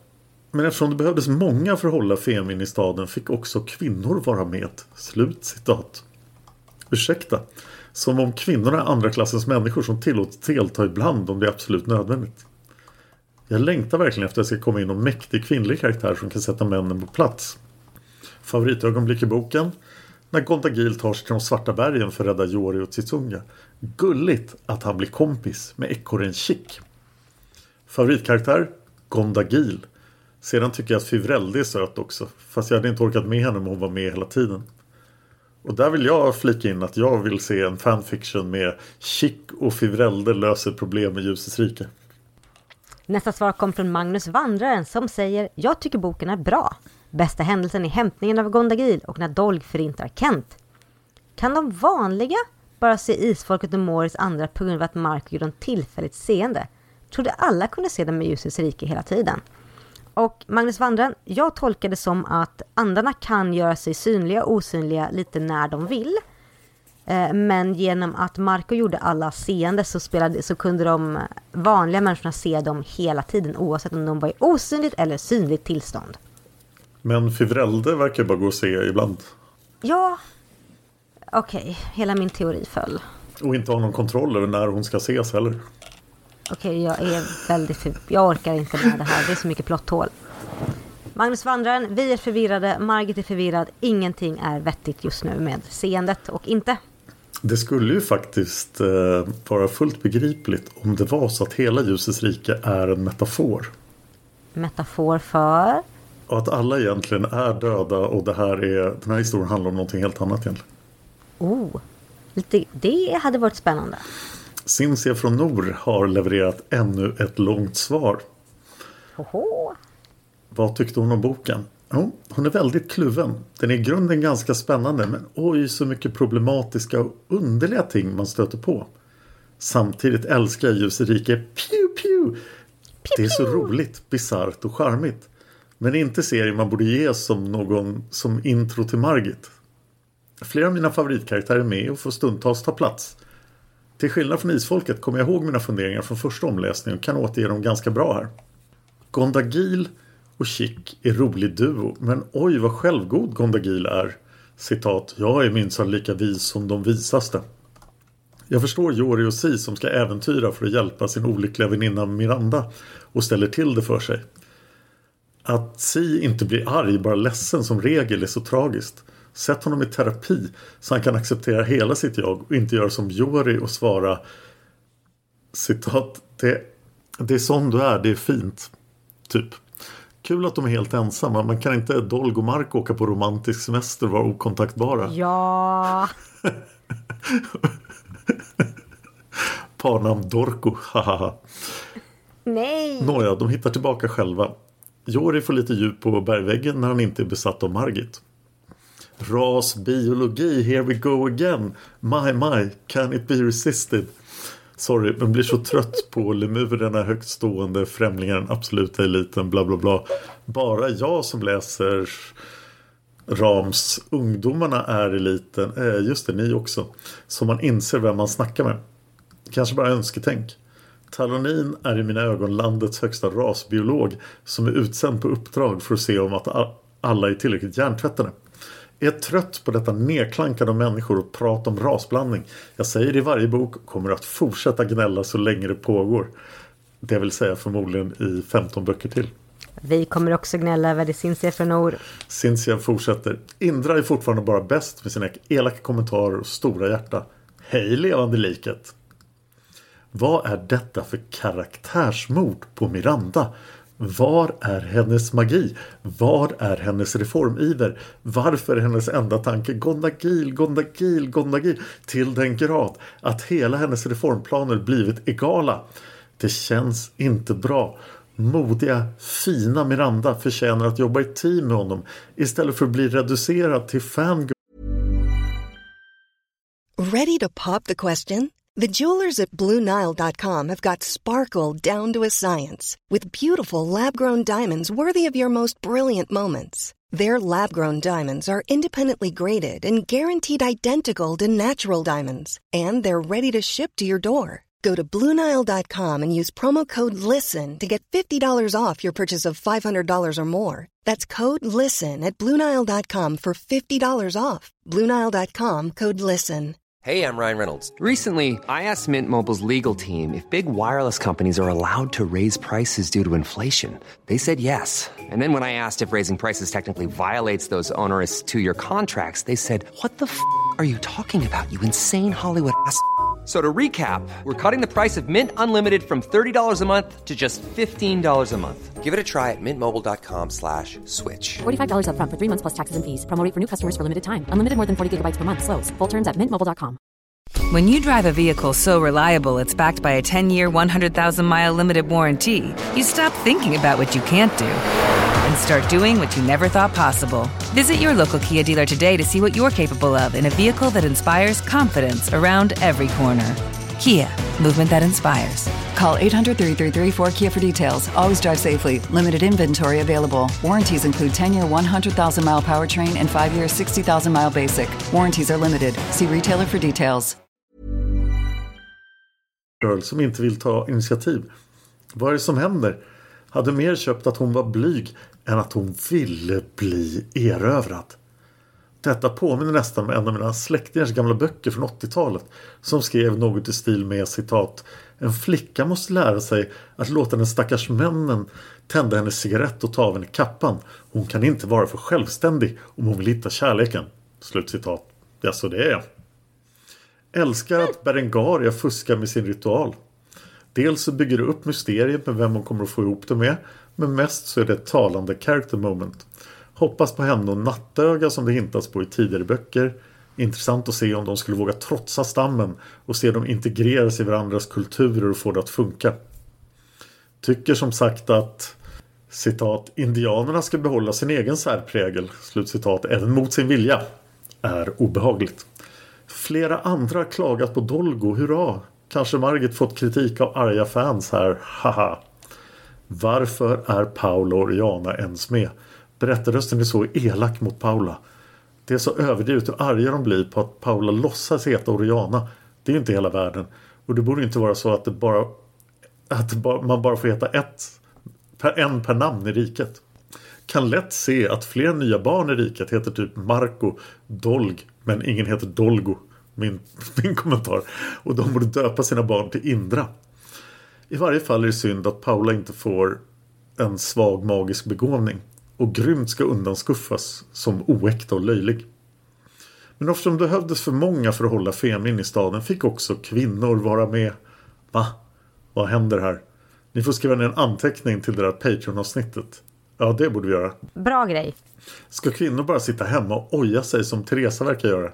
Är övertygad om att ni kommer att prestera en god analys av ämnet. När man talar om kvinnobilden så känns inte slutet av Miranda och Gondagils sexscen så bra heller. Nej, Äh, nej. det ska gudarna veta. Så dåligt. Femeättlingen kunde ha blivit så läskig om gruppen hade misslyckats så han hade agerat mer osynligt i framtiden. Men att oron växte. Kanske han hade gjort nytta uppviglat Miranda. Va? Var det en utrensning nu igen? Gard av isfolket till ny kamplust. Det nya elitgänget som Ram söker ska självklart bli stora revolutionära kämpar i den planerade kuppen mot främlingarna. Jag kan alltid drömma, right? Dolk trollar mod till förälder, sen gnälla över att hon är för påflugen. Stackars lilla Elva. Favoritögonblick. Indra retas med Miranda, hela deras systerrelation. Det är också gulligt när Miranda och Gondagil talar i telefon. Och förstås när Dolg får tillbaka sitt namn. Fast har han fått det nu eller inte? Eller kommer... Jo, de, de, han fick tillbaka det. Jag tror, att, jag tror att det var en sekvens där, de, där, där Ram sa att ja, ja, du får liksom... Du får heta vad du vill. Och Dolg sa att jo, det kändes lite jobbigt att det hette Dolgo, så att han har fått tillbaka sitt namn. Vi får se i nästa bok. Favoritkaraktär? Alltid Indra. Hon är ett stort ljus i ljusets rike. Önskar att hon ska få mer plats och slutet bådar så väl. Indra är en av mina topp fem bästa isfolkskvinnor. Berengaria är bra och rolig. Även Siska gillar denna omläsningen. Hon är en liten prinsessa i stilen. Det är bara roligt och det är kul att de har en kvinna i rådet som inte är berättarrösten. Jag menar Teresa. Ha- Hade gissat rätt vem hon drömt om första gången men inte vem Sassa sett. Gillar även Ram även om han vid närmare betraktelse är ganska kass på sitt jobb för att ungdomsflocken ska kunna skina. Att Ram verkar vilja rekrytera till en elitstyrka är lite underligt men jag vet inte varför jag gillar honom så mycket. Det verkar jag inte vara ensam om heller. Men alltså, hur många har folk dödat? Kill count list. Miranda, Dolg, Gondagil har alla dödat en. Farangilen räknas som Dolg. Det känns ju som att det var Farangilen mer än Dolg. Fast Dolg sedan efter bara så här, helt lugn, ska vi fortsätta? Alltså han bryr sig inte. Han är så van vid att Farangilen eh, vaporiserar folk. Ja men det är ungefär som att man har ett husdjur som bara, åh nej du dödade någon igen. Ja ja, c'est vie. Ja, men den har i alla fall omdöme när det gör det. Mm, det är ingen... Dolg borde ha lite bättre koll. Och Farangilen verkar ju allvetande där också. Att den vet att den här den kommer att träffa på Kent och kan förinta honom. Japp. Ram har beordrat två bekräftade avrättningar även om Kent smet och utrensningen. Främlingarna har dödat hur många systemfel din sökning har fråntagit alla sina rättighet, interneträttigheter. Eh, ja, det är mycket läskigt. Nästa svar kom från Blodsam som säger Det här är inte en av mina favoriter i serien, men jag tycker boken är helt okej ändå. Jag gillar att Paula och Rihanna dras in, det ger boken ett extra lager och det behövdes verkligen fler nya karaktärer. Det känns så skönt att Miranda och Gundagil får vänta till sist, även om det leder till att Mirandas karaktär i princip försvinner. Mitt favoritögonblick i boken är när Gundagil och Chick finner varandra. Margit är verkligen duktig på att beskriva människors relation till djur. Min favoritkaraktär i boken är Oriana. Hon är en så fin och snäll karaktär. Sen har vi ett svar från Rymdkatten som skriver sitt sjätte inlägg. Äntligen är jag i kapp efter 67 böcker. Har lyssnat på varenda avsnitt fram till nu och älskat att höra alla era åsikter som jag har längtat efter att få vara med och diskutera. Välkommen Rymdkatten! Hurra! Rymdkatten fortsätter. Jag läste alla delarna ur trilogin som ung tonåring och älskade både Isfolket och Häxmästaren. Vad jag tyckte om Ljusets rike minns jag inte lika tydligt. Men det kan ha att göra med att jag började bli äldre då och kanske började få andra intressen. Nu, drygt 20 år senare, läser jag om hela trilogin. Jag hade glömt nästan allt men blev en, denna gång helt uppslukad av både Isfolket och Häxmästaren. Jag, en hobbybuddhist som har fått en hel del träning i mindfulness, har i två år helt maniskt och mindless läst Margits böcker medan jag ätit, medan jag druckit kaffe, på tåget, ja så fort jag kommit åt helt enkelt. Hittills är jag fascinerad även av ljusets rike. Så till frågorna. Vad tyckte du om boken? Det var inte min favorit hittills. Känns som en mellanbok utan någon riktigt stark egen story. Mycket var i grunden spännande men sen blev det liksom ingenting av det. Tänker på till exempel när Jori och Tsunga sitter fast vid dödens fjäll i mörkret. Det är en otäck stämning men löser sig för lätt när Gondagil och Chick räddar dagen. Och att Si sitter där med dödsångest och plötsligt blir alldeles vansinnigt upphetsad. Vad händer där? Även delen med Feme är egentligen en bra och skrämmande idé men känns lite slarvigt och hastigt utförd. Jag måste citera ur boken, citat. Dolg gick och bar på ett par rejäla tejprullar. Mori lät sina mystikfyllda häxmästarögon söka över gator och torg, över väggar och fönster. Sol var på alerten, sökte med sadistisk iver efter tecken. Slutcitat. Ursäkta? Vad är det här för ett gäng? Särskilt Dolg med sina tejprullar är riktigt skrämmande. Som så många andra redan sagt är det svårt att stå ut med rassnacket och kvinnors lägre stående. Hur kan alla utom Miranda bara glömma bort att Si finns? Och känns inte Jori och Si lite som dum och dummare när de flyger ut ur ljusets rike? Favoritögonblick. Trots att jag har gnällt mycket tycker jag boken bitvis är väldigt vackert och poetiskt skriven. Min favoritscen är när Gondagil och Chick lär känna varandra och vänskap uppstår. Tycker även om scenen med Miranda och Gondagil i gondolen. Deras svårigheter att kommunicera gör dem så mänskliga. Hur många gånger har man inte själv suttit med någon man på ett eller som tar de det. Hur många gånger har man inte själv suttit med någon man på ett eller annat sätt håller av men inte lyckats få fram rätt ord på grund av osäkerhet och pratat om något larvigt som vädret eller maten istället. Mm. Favoritkaraktär Chick. En lojal, kärleksfull och modig karaktär. Jag älskar Chick.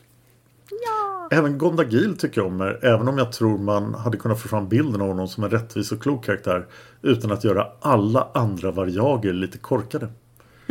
Oriana lär vi inte känna på djupet men hon tycks mig sympatisk.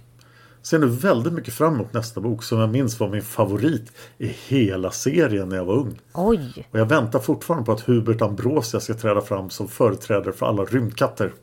Mer rymdkatter! Åh! Här svar kom från Hanna som säger Johannesnatten. Delar av boken var bra, andra inte. Allt med Paula och Oriana känns som utfyllnad. Varför plockade främlingarna med sig dem till ljusets rike från första början? Har svårt att tro att någon skulle tro på dem om de berättat att de sett något konstigt på stranden. Och Kent tror jag inte såg främlingarna överhuvudtaget. Insidan av jorden måste vara så otroligt stor, men ibland känns den så liten. Den som ser Jorosi rymma från ljusets rike råkar vara Gondagil. Ja, har inte så mycket att säga om den här boken.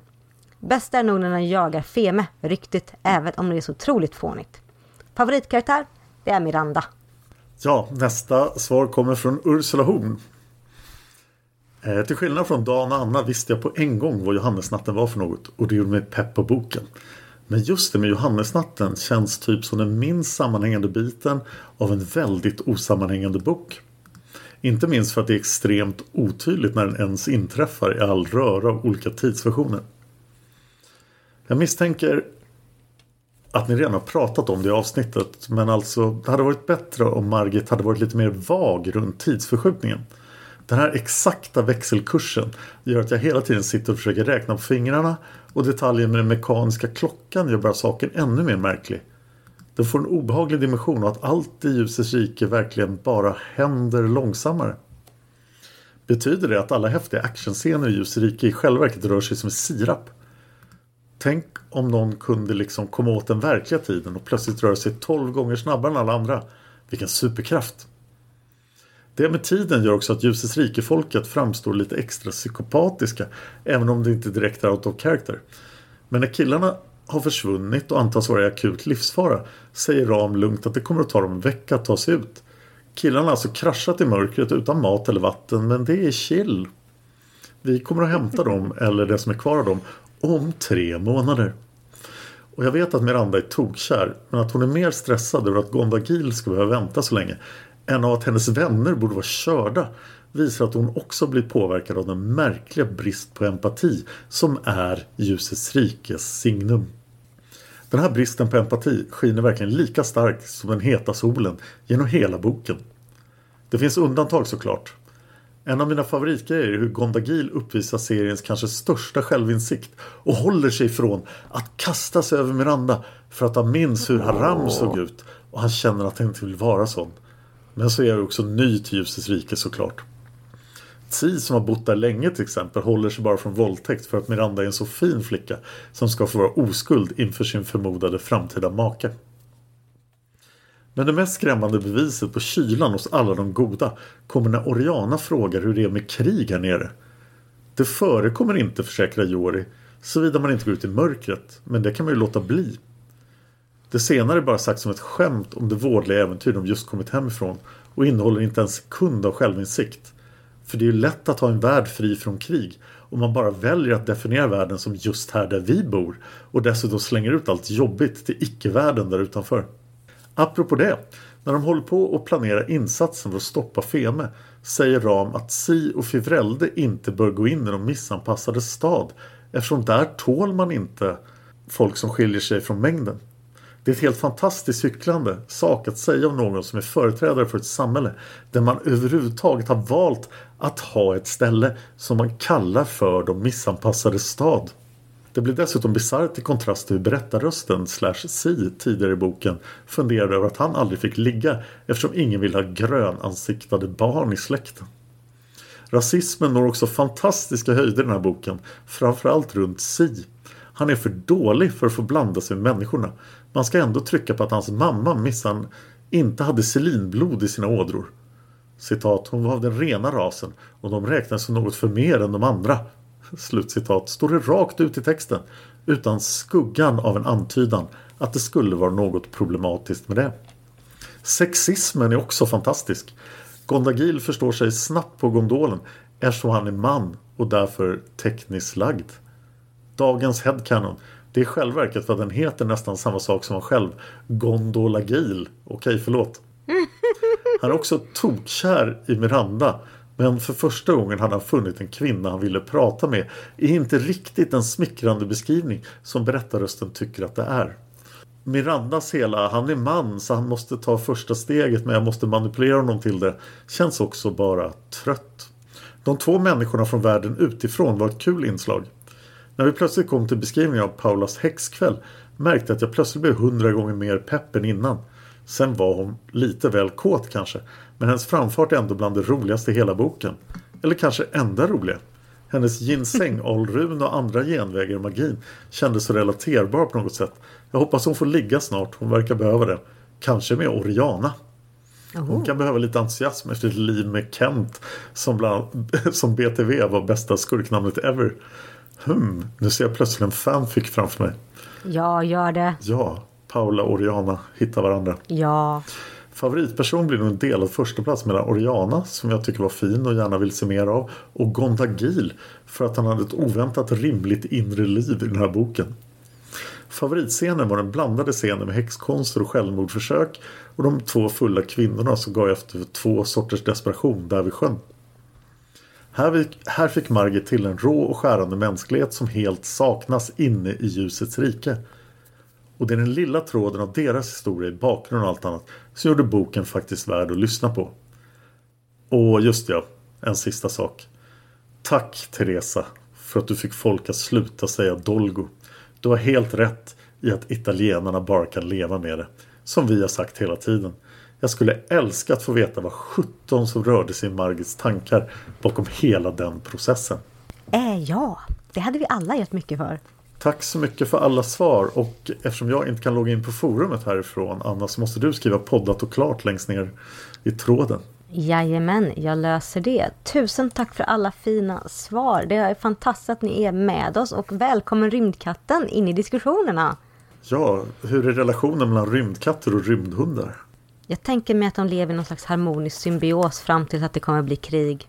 Åh nej, det stora rymdkriget. Rymdkriget. Det är som cream mot Skrulls ungefär. Åh nej, usch.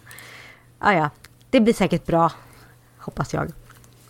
Vi har en bunt andra människor vi ska tacka också. Det är alla våra Patreons. Vi ligger stadigt på nivån som vi behöver ligga över med 100 dollar. Vi fortsätter in i ljusets rike.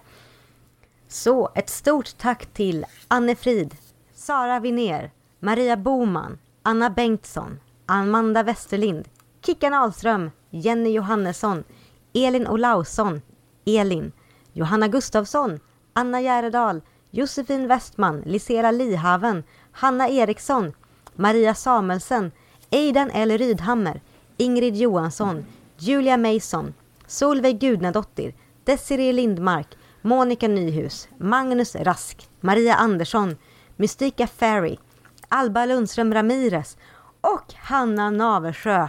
Wow, ni är ett fantastiskt gäng och så tack för att ni fortsätter stötta oss. Tack så supermycket. Ni är som jag sagt förut mina absolut bästa poddlyssnare. Det finns ingen annan podd jag gör som har så många som är med och sponsrar och som är med och ger feedback eh, sett till antalet lyssnare som Isfolket-podden. Vi har inga iTunes-recensioner den här gången men vi har en recension av hela Isfolket som vi spelade in till förra avsnittet men det förra avsnittet blev tvungna att spela in två gånger. Men det känns som att vi behöver göra det nu. Så här kommer Ulvar av Isglassen. Det är användaren alltså som heter så. Mm. Hans inläggsrubrik är Ett år och upptäckten av Isfolket plus podden 2020 och 2021. Och jag vill inte låta det gå för långt in på 2022 utan att ta med det här. Ulvar skrev det här både på forumet och på Facebook. Och jag lovade honom att vi skulle dra det i podden för jag tycker det är väldigt intressant att få en ny läsares intryck av hela Isfolket-sagan. Så här kommer Ulvar av Isklassens åsikter. Hej! Jag har under coronaåret läst igenom Sagan om Isfolket, eller, rättare, eller lyssnat rättare sagt, stämningsfullt och vackert inläst av Julia Duvenius. Detta kom sig av att jag hittade podden först av en ren slump, men lyssnade inte på den utan tänkte Vänta nu, här är ju en fantasyserie jag skulle kunna ge mig på som är helt ospoilad för mig och när jag är klar så är en hel radda med poddavsnitt som diskuterar den. Året är räddat tänkte jag och började lyssna från bok 1 utan att veta ett enda dugg om isfolket. Det tog tio månader att lyssna igenom alla 47 böckerna för mig och det hjälpte sannerligen med att uthärda vissa dagar då jag haft en lite jobbig och tråkig tid under corona, riskgrupp och så vidare. Har nu kommit halvvägs med podden och vill tacka Dan och Anna för en jättebra podd. Jag har inte haft någon att prata isfolket med och nu får man ta sig igenom sagan igen med kommentarer och åsikter. Jättebra. Synd att man inte var med live när podden pågick. Men du är med live, för den pågår fortfarande. Nu måste du läsa Häxmästaren och Ljusets rike. Förlåt. Ulvar fortsätter. Jag är väldigt glad att jag upptäckte Isfolket. Uppskattar det mycket överlag. Känns kul att man tagit, tagit sig igenom en så lång och speciell serie. Jag älskade vissa böcker och andra böcker var sega och kändes som transportsträcka. Men det är ju lite så det är med denna serie. Inget ont om det. Ibland är det ganska gött att ha en lite mindre betydelsefull bok man lyssnar på för stunden. Så får man gå ner varv innan det hettar till i nästa bok. Så ojämn kvalitet överlag. Men det är mestadels förlåtet. En väldigt unik bokserie som följer en släkt och sträcker sig över hundratals år. Historiskt givande och så vidare. Det liknar verkligen ingenting som jag läst tidigare. Jag kommer nedan att skriva en rejäl utläggning om en aspekt av sagan. Och fråga er om jag är ensam med detta eller om ni håller med. Härmed kommer en stor spoilervarning då men det är ingen som har lyssnat hit i podden som inte är spoilad. Jag kommer även att vara lite raljant mot slutet. Om du inte läser kritik eller höra kritik då mot delar av Isfolksagan ska du nog inte lyssna heller. Så nu till min utläggning. Jag är just nu mitt uppe i att lyssna igenom podden och är på avsnitt 25, så ungefär halvvägs. Min utläggning gäller slutet, utvecklingen i den senare delen av bokserien. Så jag vill skriva av mig nu, innan jag hört vad Dan och Anna har att säga om det hela. På så sätt är det bara mina egna funderingar och jag är inte färgad av någon. Kanske vänta med att läsa era svar tills jag är klar med podden. Så här kommer mina åsikter om Sagan om Isfolket. Det är en saga som för mig är väldigt fin, vackert skriven, ofta spännande, stundtals briljant, ojämn men på det stora hela väldigt bra och läsvärd. Den är helt unik egentligen. En episk saga som sträcker sig från 1500 till nutid, senare i serien ännu tidigare. Man följer en enda släkt och hela dess utveckling. Något sådant hade jag aldrig läst förut. Sen är det väldigt roligt med den historiska aspekten. Hur man levde på de olika århundraden och så vidare. Och allt detta som en lång fantasysaga med massa olika berättelser om människoöden. Grundkonceptet är grymt. och man älskade vissa karaktärer, ja det är sannolikt något otroligt hon kokade ihop på bara åtta år. En feelgood-serie för mig. Nu till det negativa. Det som stör mig är hur bra grundsagan och upplägget är. Hur bra vissa böcker är och hur det sedan liksom inte tas om hand och förvaltas av Margit. Kanske gick lite väl fort att skriva ändå. Jag är otroligt irriterad över hur dålig den sista tredjedelen av serien är. Slutet och upplösningen mestadels. Det är så in i Norden dåligt att jag nästan vägrade läsa klart de sista två böckerna. Från att ha älskat den till att vara så besviken och obrydd att jag bara ville få den färdläst. Jag tyckte att serien var helt fantastisk till ungefär bok 30. När Marco skjuter Ulvar. Det skottet markerar på ett ungefär när sagan om isfolket tar slut för mig. Fram till dess är det otroligt bra skapat av Margit med hela konceptet runt isfolket, de drabbade, deras olika förmågor, den stora skurken, antagonisten Tengel den onde. Att det en dag ska komma någon i isfolket som kan matcha och rädda isfolket och hela världen. Lika spännande vid varje ny födsel hos isfolket. Lovar mycket inför slutet av sagan.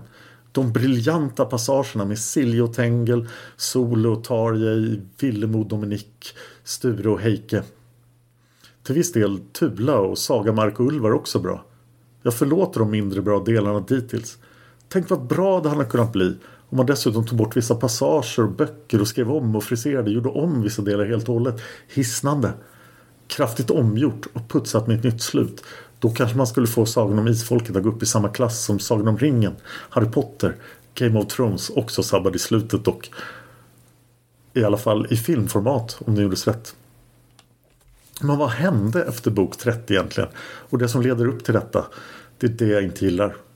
Här är lite slarvigt skrivet ur mitt skraltiga minne. Så säkert massvis med detaljfel. Men på det stora hela är det min poäng.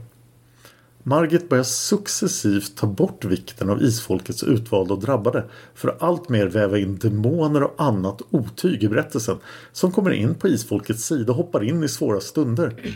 Saga får barn med självaste Lucifer. vadå Lucifer? Detta ogillade jag skarpt. Det här är sagan om isfolket, bibeln är bibeln och någon måtta på inblandningar från andra hörn får det vara.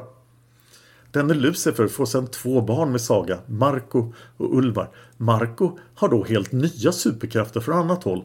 Särskilt efter att han har varit hemma hos Lucifer på bootcamp i några år. Krafter som är på en helt ny nivå och överträffar allt som de drabbade av isfolket haft tidigare.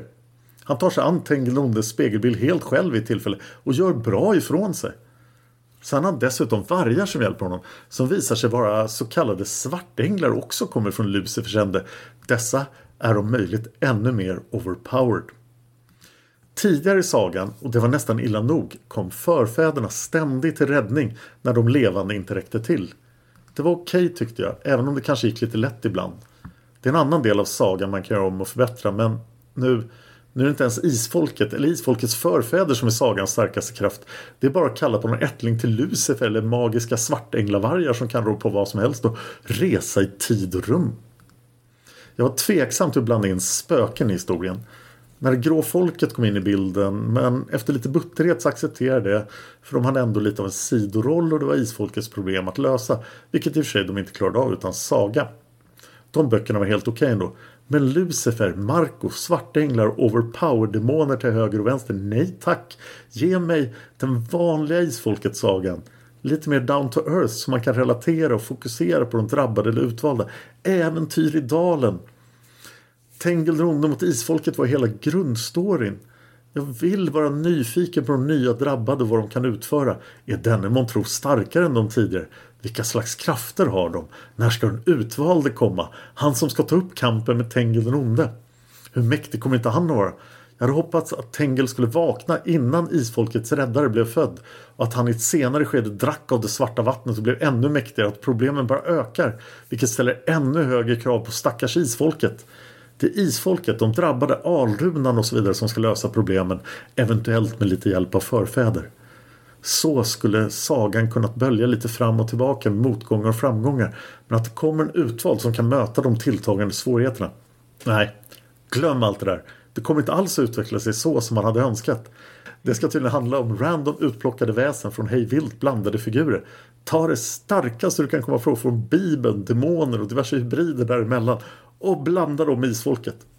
Sen tar det en evig tid innan Tengel vaknar på riktigt. Även om hans halvvakna insatser var bra så blev det inte mycket med dem heller. Innan dess skapas ännu mer ättlingar och Lucifer och demoner. Finns inte mycket kvar av känslan från bok 1 till 26 eller bok 1 till 30. I Lucifer, Nattdemon, Isfolket-linjen föds till slut den efterlängtade utvalde. Han är dessutom en sjunde sons sjunde son. Jäklar, här har vi hela paketet. Typ 20% isfolksblod, men whatever. Han kom i alla fall till slut. Men han var inte riktigt sådär bra som vi hade fått teasat i tiotals böcker. Han heter Nathaniel och han är rent av riktigt lam, tråkig och helt karaktärslös. Inga större gåvor alls först tycks det. Han kan tydligen känna på sig en del saker, typ att det lurar något ont här och där. Kanske få bort ett gammalt spöke på sin höjd. Tills hans assistans föds lite mer folk som ska hjälpa honom i hans quest. En till av isfolket som inte är något speciellt alls men blir hans flickvän. En till av isfolket som är kvinnligt drabbad, lite sådär halvstarka krafter, ingen nytt direkt men en ganska bra karaktär. Och den där Marco ska såklart vara med och hjälpa till.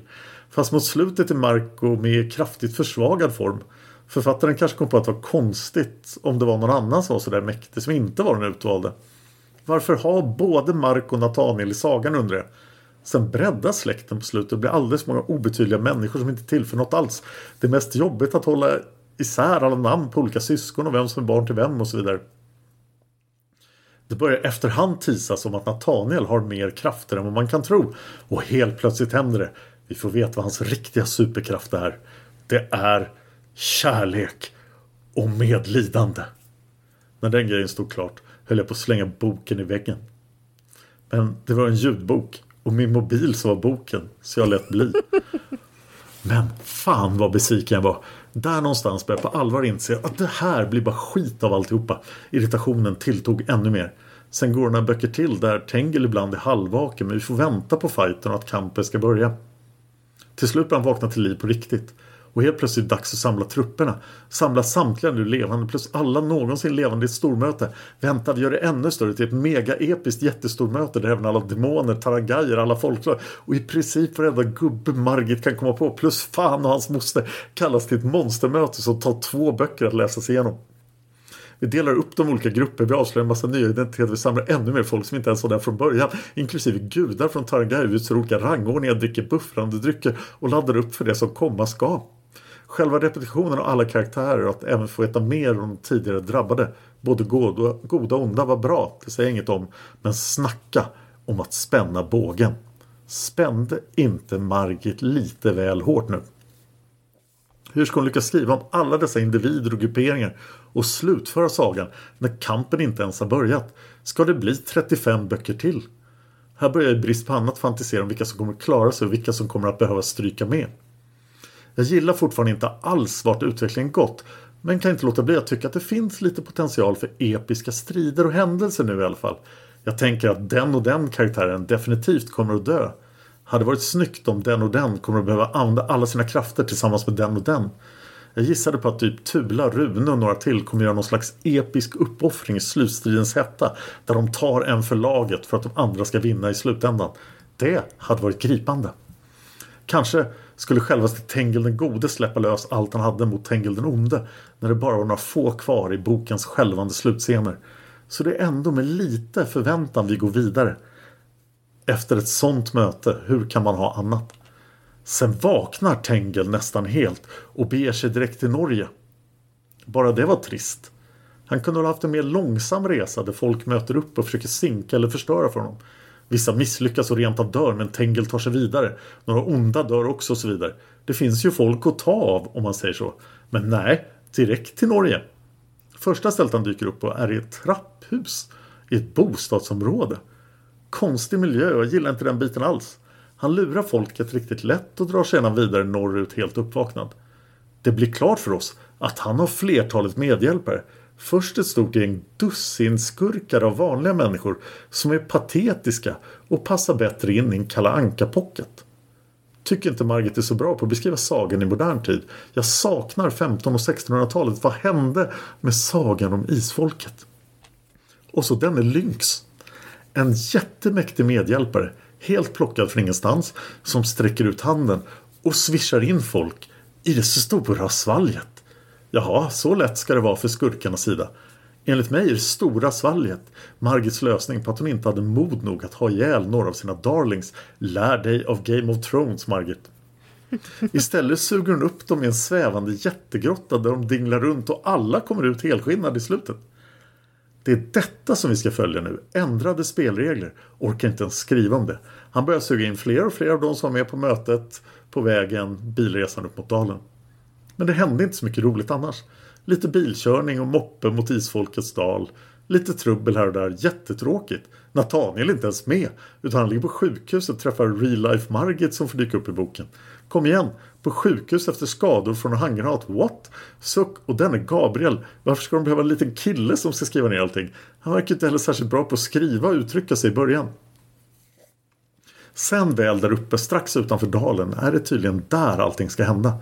Istället för att skriva en lång dynamisk berättelse i delar så ska det alltså vara ett jätteslag på fältet utanför. Det ska bli ett battlefield av alla de där karaktärerna.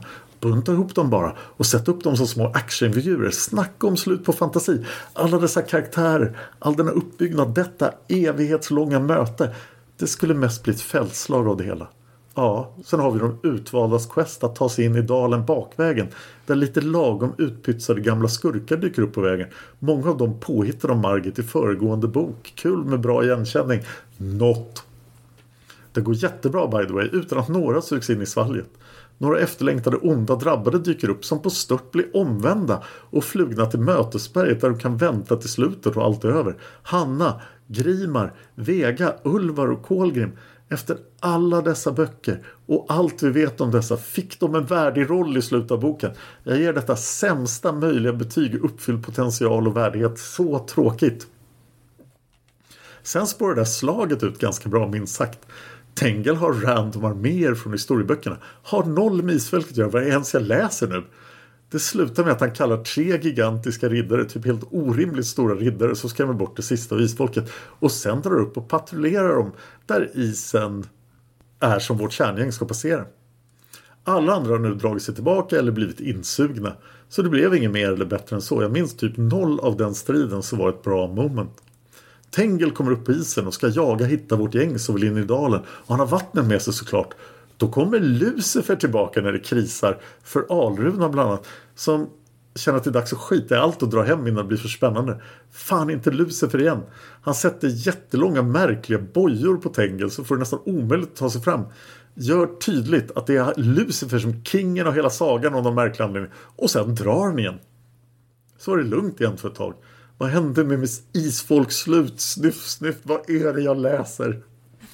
Så kärntruppen springer ner i dalen. Lite random fiender utpytsade som vanligt. Inte alls förutsägbar. Nej, det går bra som vanligt. Men han med dammsugaren då? Han är på plats och ska ta fighten men han tappar sin kraft när de kommer på att han var en supervidrig pedofil och säger detta till honom och nämner hans namn framförallt. Det handlar om namnmagi. Det kokar nästan inom i mig. Det är så dåligt påhittat koncept. Pedofiler och namnmagi. Jag vill nu helst elda upp boken. Sen hittar de en ny grotta på en ny plats. Det visar sig att där inne som det stora svalget finns. Inte i rymden, det finns inuti berget. Sen är det en massa passager om hur de virvlar runt där inne. Lite upp och lite ner. Hittar lite mossmän i botten. och Ja, ni vet what the fuck. Så som det utvecklat sig ska man kunna hitta smurfar och jultomtar där inne. Det hade jag inte blivit förvånad av. Till slut samlar de upp alla och hamnar på den här klippan med öppningen som sprutar eld eller varmluft. Mossmännen som tydligen byggt svalget, what? Lovar att förgöra dem och typ alla beger sig ut. Vi är nu i Isfolkssagans brinnande slut. Ungefär där kommer en av de sjukaste scenerna i hela sagan. Tengel har kommit på ett fiffigt lås för att ta sig vidare. No pun intended. Det är det försvunna stackars barnet Tili. Visserligen några år äldre nu men som måste, känns hemskt att skriva om, men bli penetrerad och våldtagen om man ska komma vidare i spelet. Och vad tänker då vår kvartett när de ställs inför detta problem? Ja, vad fan, vi gör det bara. Marco, ta en för laget. Så Marco går utan några direkta duber in där och får det överstöka med den stackars flickan så ömt han bara kan. Det går bra. Han får till och med utlösning. Och de vill bli lite kära på någon minut. Smakfullt Margit. Sen är det vidare in där men nu är det bara Nathaniel kvar. Tråkiga Nathaniel som ska in till det onda vattnet som tydligen är där inne i Svalgetgrottan och inte där det alltid har varit tidigare i historien i den riktiga dalen uppe på klippan. Kunde vi inte ens ha fått slutet på rätt plats i dalen? Tengel den onde anländer samtidigt. Sen är det fight och först de hittar vattnet. Jag har slutat bry mig om det här för länge sedan. Jag vill bara bli klar med sagan. Det är lite tråkig kurragömma i gångarna och sen ut till en plats där vattnet finns i en kruka som utlovat. Då får helt plötsligt Nathaniel alla de där krafterna som han har hoppats på. Han blir mer och mer uppgraderad på nolltid. Slut är han typ starkare än Tengil Onde. Slutscenen här är riktigt trist. Förmodligen mest för allt annat i slutet är så dåligt. Om man tänker på alla andra karaktärer som kunde ha gjort balla saker som hade lett upp till detta. Hur som, Tengel får till det med krukan och får i sig en droppe. Då blir han äntligen den fullvärdige Tengel den onde. Fast bara typ 30 sekunder. Han hinner stå där och vi får se honom en stund, men inget mer. Sen hinner Kira dit och häller goda vatten i krukan. Eller om hon hällde innan han blev, jag minns inte riktigt, jag orkar inte ens kolla upp det. Jag känner mig bara trött av att tänka på slutet av, på sagan. Tenger blir i alla fall förintad till slut. Nathaniel är jättetrött. Slutet är gott, allting gott. Samtliga karaktärer klarade sig. Samtliga skurkar blir antingen omvända eller eliminerade. Vilken tågkrasch till slut! Det blir bara värre ju mer jag tänker på det. Och ännu värre nu.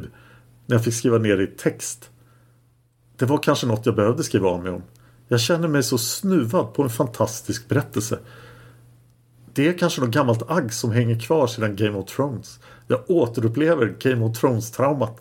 Skrev Margit de sista böckerna i ett feberrus där hon bara vill bli klar med allt hon hade startat.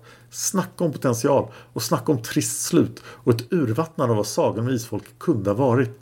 Jag hade gärna fått slippa allt med Lucifer, demoner, isänglar, nattdemoner, lynx med sitt svall, Nathaniel, inget blev bra, typ inget. Tänk om de kunde skriva om från bok 26 eller 30. Plus ta bort de sämre delarna av sagan, skriva om allt som är konstigt så, end of my rant. Ni som älskar Isfolket kanske tycker detta var lite väl sågat.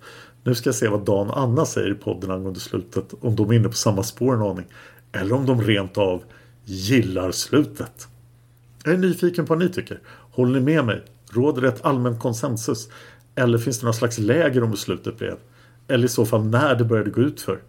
Detta är vad jag gärna vill veta och är nyfiken på. Som sagt så kommer jag tillbaka till tråden först när jag lyssnat klart på podden. Men det går nog hyfsat snabbt. Tack för mig och hoppas att det inte var för brutalt sågat. Jag varnade er i alla fall. Tack för det långa inlägget Ulvar och isklassen. Jag tyckte det var värt att läsa upp i sin helhet. Ja, det är ett superbra svar och jag minns inte vad jag tyckte om slutet av Isfolket. Så det hoppas att vi sa något vettigt Ulvar isklassen. Det, det, det hoppas jag att vi gjorde i alla fall. Och eh, jag, jag känner lite grann med dig kära Ulvar av isklassen för eh, om du tycker att eh, om du tycker att det här var lite konstigt och inte hängde ihop så välkommen till ljusets rike liksom. Ja. Ulvar och isklassen, nu vill jag höra vad du tyckte om Häxmästaren och Ljusets rike. Oh ja, jättegärna. Um, och uh, ja, man får läsa det med en nypa salt ibland. Ja, har vi kvar någon mer formalia? Nej. Nej. Vi ska in nu i nästa bok som heter Den utvalde. kan bli bra, kan bli dåligt, kan bli jag vet inte vad, men jag hoppas att det faktiskt kan bli bra. För Indra ska vara med och det ser jag alltid fram emot. Jag kommer ihåg hur förvånad jag blev förra gången jag läste Ljusets rike när Harry Potter kom in i historien här i bok 6. Ursäkta? Och den utvalde. Spoiler! Oj, förlåt, just det, du får inte säga det här avsnittet. Ah, gud. Ja. Här försöker vi bygga upp stämningen för varje avsnitt och du är bara klampkloss. Ja, men den där scenen när de använder sökarhatten på alla isfolkets ja. andar. Ja, men det skulle ju vi göra en jättebra analys av. Ah, ja, förlåt. Okay. Ja, vi tar det nästa ah, ja, men i alla fall, ni, ni, kommer älska vår analys av sökarhatten och om den konstiga matchen som blandar quidditch med sol, eller ja. Heter hatten ens sökarhatten? Vet inte riktigt. Ja, lyssna på Hard Nerd Café så kan ni höra mig och Anna recensera de två första Harry Potter-böckerna. Ja! Och en dag kommer vi att göra Fången från Azkaban också. En dag, men det är inte idag. Nej, det är inte den här dagen. Nej. Som Aragorn skulle ha sagt. så, till nästa gång, var hittar man dig Dan? Ja, man hittar inte mig på Facebook längre men man kan hitta mig på Twitter, Instagram och även på Youtube ibland. Och jag heter ju Dan Hörning så är lätt att hitta. Jag vill rekommendera en podd som jag tenderar att göra ibland. Och någonstans strax efter att det här avsnittet kommer ut så kommer vi börja en gigantisk serie i min podd Olösta mord. Där Sofie Karlsson har blivit den person i Sverige som kan mest om ett mycket mystiskt försvinnande från 1948 som har gått i kriminalhistorien många gånger. Viola Widegren försvann efter ett bråk med sin pappa gick hon ut ur deras lilla hus i Norrland. Det finns en massa spår efter henne men ingen av dem har någonsin lett till att man har hittat Viola. Och vi har gjort minst 15 avsnitt om Viola Widegrens försvinnande. Och det här är förstås ett försök att upprepa, upprepa framgången vi hade med eh, Sven Sjögrens försvinnande som gjorde 37 avsnitt om i olösta mord. Så är ni intresserade av gamla mystiska försvinnanden i Sverige så rekommenderar jag min podd Olösta mord. Var kan lyssnarna hitta mer av det Anna? Man hittar mig i dessa dagar främst på Twitter. Där heter jag Anna Seras och twittrar väldigt regelbundet. Jag finns på Instagram också som Setsuna Seras. Så där får ni jättegärna gå in och följa mig. Ja, Och det var allt tror jag vi hade för den här gången. då är det dags att ta oss an den utvalde. Ja. Och Indra förmodligen. Hurra! Jag tänker Indra och Harry, det kommer bli jättespännande. Oj då. Ja, oh. Det kommer bli bra det här då. Vi, vi är på en roll. Ja. Dumbledore skulle inte ens vara overpowered i Ljusets rike. Nej, nej, Dumbledore skulle vara liksom en liksom en liten droppe i det här havet. Men det kanske blir bra. Jag menar, nu kommer den utvalde så att det blir ännu en overpowered person. Vad kan gå fel? Så jag tror faktiskt att Dumbledore skulle fatta att någonting var fel i Ljusets rike. Tror du verkligen det? Ja, i och för sig, någonting var fel med Dumbledore också. Ja. Ah, men då får du ha det så bra till nästa gång. Ja, tack för att ni lyssnar. Hej då!